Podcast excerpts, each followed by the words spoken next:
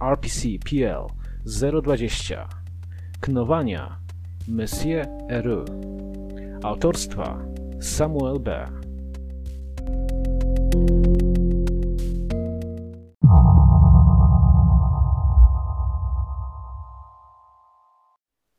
Rejestracja porządku centralnego. PL 020 Klasa Alfa czerwony. Zagrożenia Zagrożenie agresją Zagrożenie pozawymiarowe Protokoły przechowalnicze Przyczółek logistyczny w RPCPL 020 powinien być stale obsadzony przez co najmniej trzech funkcjonariuszy ochrony. Przydział osobowy 430 stacjonujących w RPCPL 021 wraz ze zmiennikami i zespołem przydziału badawczo-eksploracyjnego. Warta w przyczółku logistycznym powinna podlegać systemowi rotacji co 6-godzinnej. Całość personelu przydzielonego do RPCPL 020 powinna być zmieniana co 30 dni z wykorzystaniem okrętu podwodnego klasy ZEX modelu 188F lub nowszego. Podczas każdej zmiany należy dokonać uzupełnienia spiżarni, broni i amunicji, instrumentów, narzędzi oraz środków badawczych, medycznych, sanitarnych, higienicznych, odzieżowych i biurowych. Pracownik przydzielony do obiektu może wnieść do RPCPL 021 do 2 kg rzeczy osobistych spełniających ogólne wskazania bezpieczeństwa. Zabrania się bez uprzedniej pisemnej lub zaprotokołowanej zgody głównego badacza nawiązywanie kontaktu z RPCPL 023 lub 4 w stopniu wykraczającym poza niezobowiązującą konwersację. Prowokowania RPCPL 022 podejmowania prób naruszenia integralności RPCPL 020 lub 1 w szczególności poprzez uszkadzanie elementów z obszarów tych pochodzących.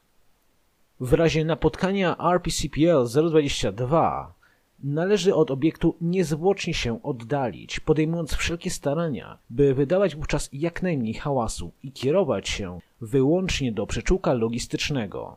W sytuacji napotkania RPCPL 025 zezwala się każdemu pracownikowi podjąć wszelkie dostępne czynności, by zniwelować zagrożenie ze strony instancji. Jeżeli czynność polega na ucieczce do przyczółka logistycznego, należy podjąć wszelkie starania, by uprzedzić drogą radiową lub werbalną o tym fakcie funkcjonariuszy ochrony pełniących tam wartę.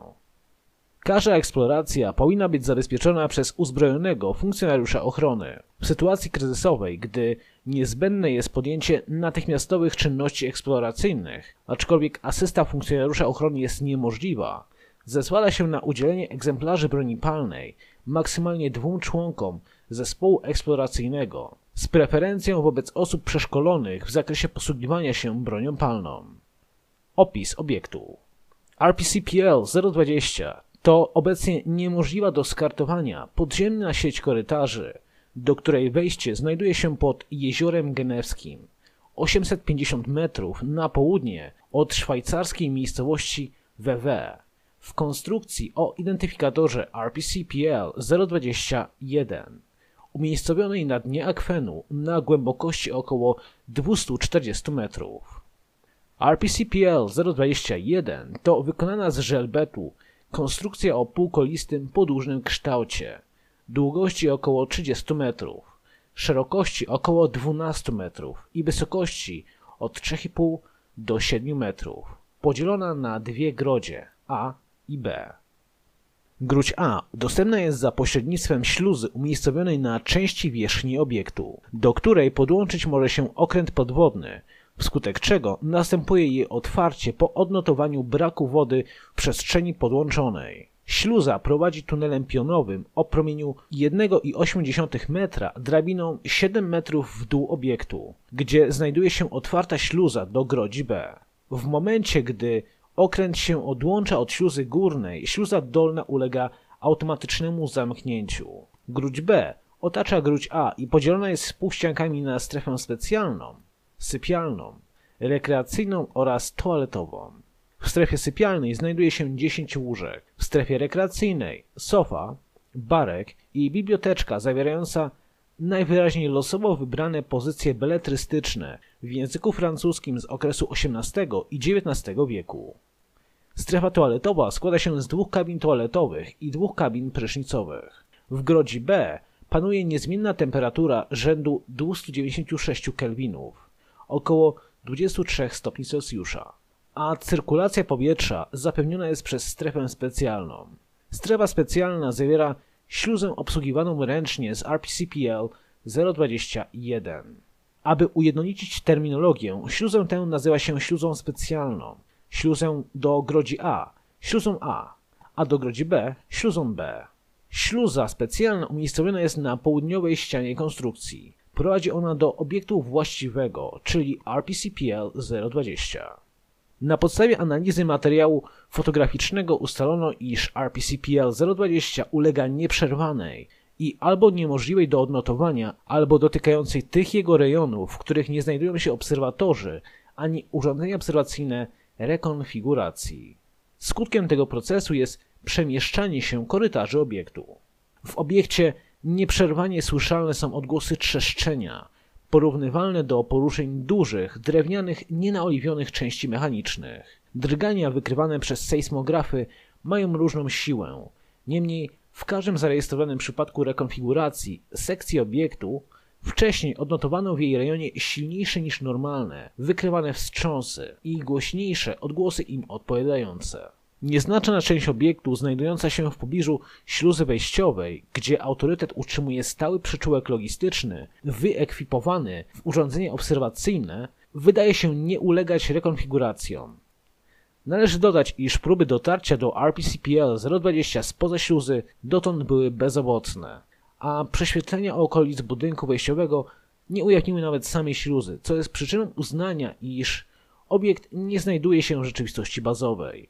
Założenie to wydaje się potwierdzone przez ustalenie, iż materiały konstrukcyjne struktury i jej kształt nie wytrzymałyby ciśnienia rzędu około 2350 kPa, obliczonego na podstawie głębokości położenia RPCPL 021 i pomiaru zasolenia wody akwenu.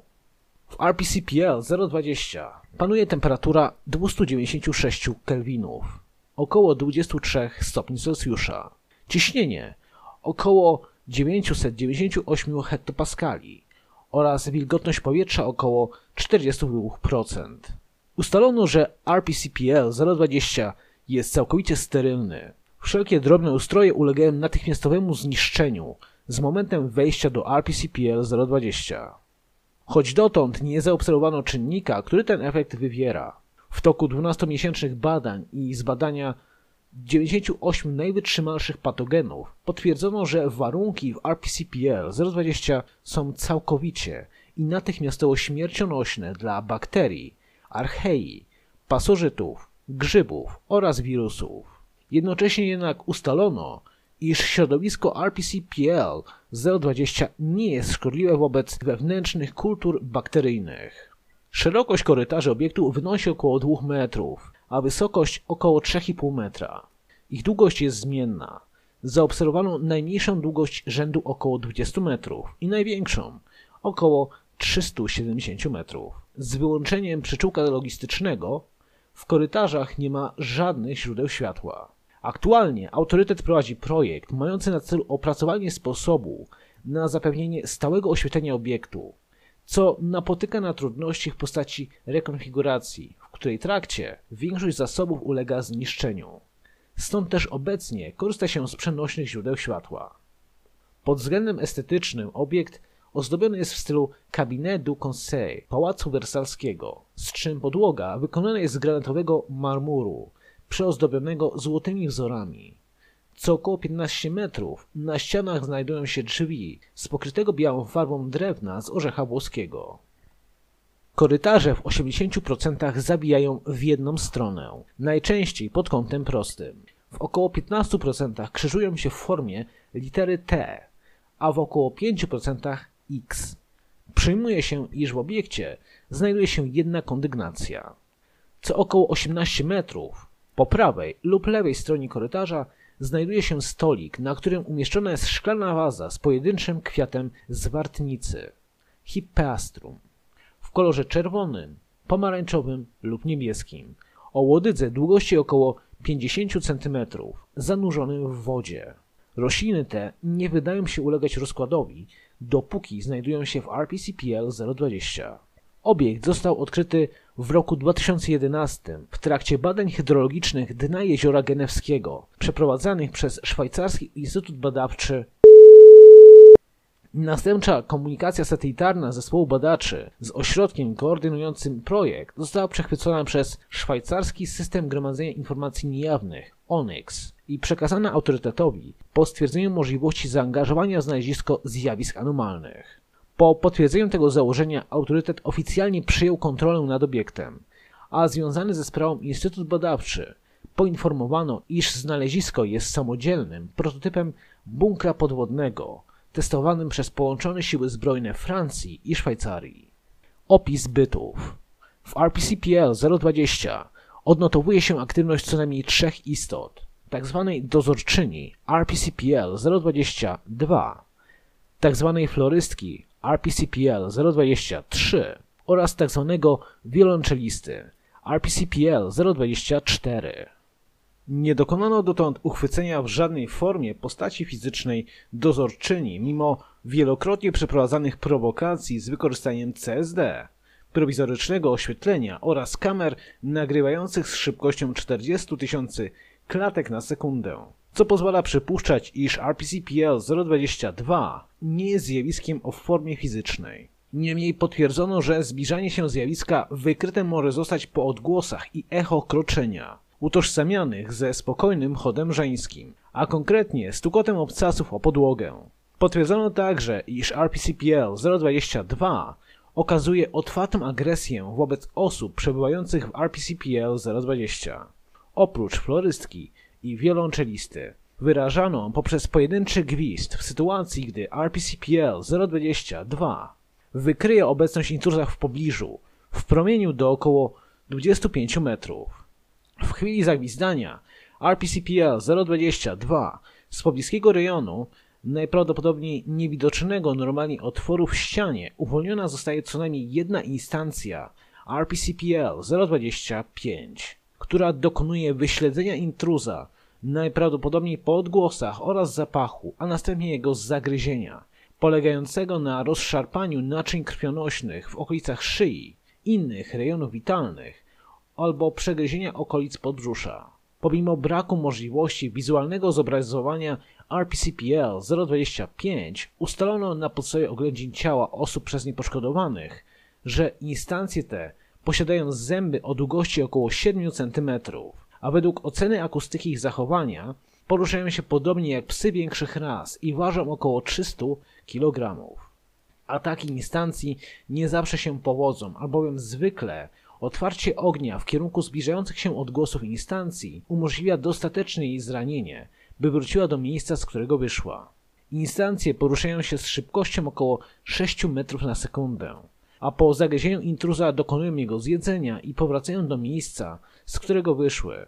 W razie większej liczby intruzów bądź postrzenia instancji, do ataku przystąpić może większa ich liczba. Jak dotąd zaobserwowano maksymalną liczbę czterech instancji.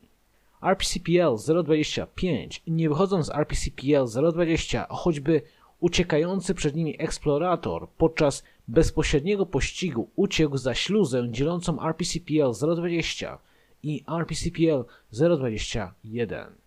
Jak dotąd, mimo celowego prowokowania ataków RPCPL 025, żadnego osobnika nie udało się ani zabić i zabrać na badania, ani w inny sposób zabezpieczyć. Podobne działania nie przyniosły też efektów w przypadku RPCPL 022, albowiem ta wkrótce po nakazaniu ataku zaprzestaje dalszej manifestacji. RPCPL 023, czyli florystka, to około 22-letnia kobieta, 160 cm wzrostu, 55 kg masy ciała, karnacji jasnej, włosy proste i jasnobrązowe, sięgające ramion.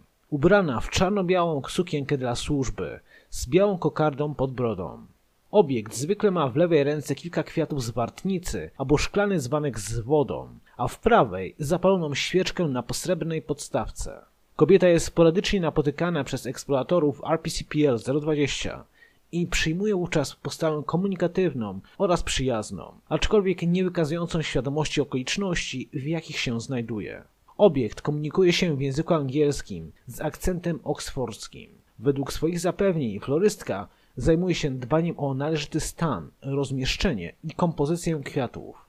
Nie ustalono skąd kobieta pobiera kwiaty, wodę, ani gdzie dokonuje wymiany świec. Nie stwierdzono też w jaki sposób kobieta zaspokaja potrzeby fizjologiczne. Aczkolwiek w świetle całokształtu zjawisk anomalnych dotykających RPCPL-020 kwestie te nie są uznawane za priorytet badawczy. Kobieta przykłada szczególną wagę do wykonywania swoich obowiązków i dlatego unika dłuższych rozmów z przedstawicielami autorytetu. Próby porwania RPCPL-023 prowadzą do natychmiastowego pojawienia się RPCPL-022 i następczego ataku ze strony RPCPL-025. Świeca RPCPL-023 stanowi jedyny natywny element RPCPL-020, który zapewnia źródło światła w obiekcie.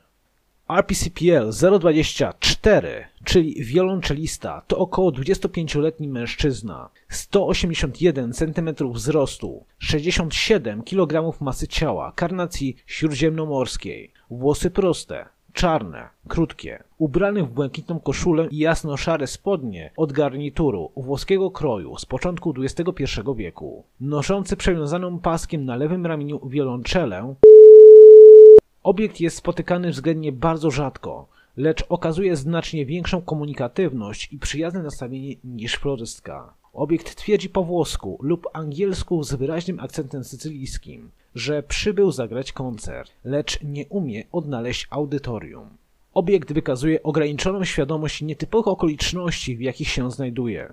Jego rzekome poszukiwania audytorium trwają od co najmniej kilkunastu lat co nie wzbudza w nim niepokoju, a jedynie przeświadczenie, że się spóźnia.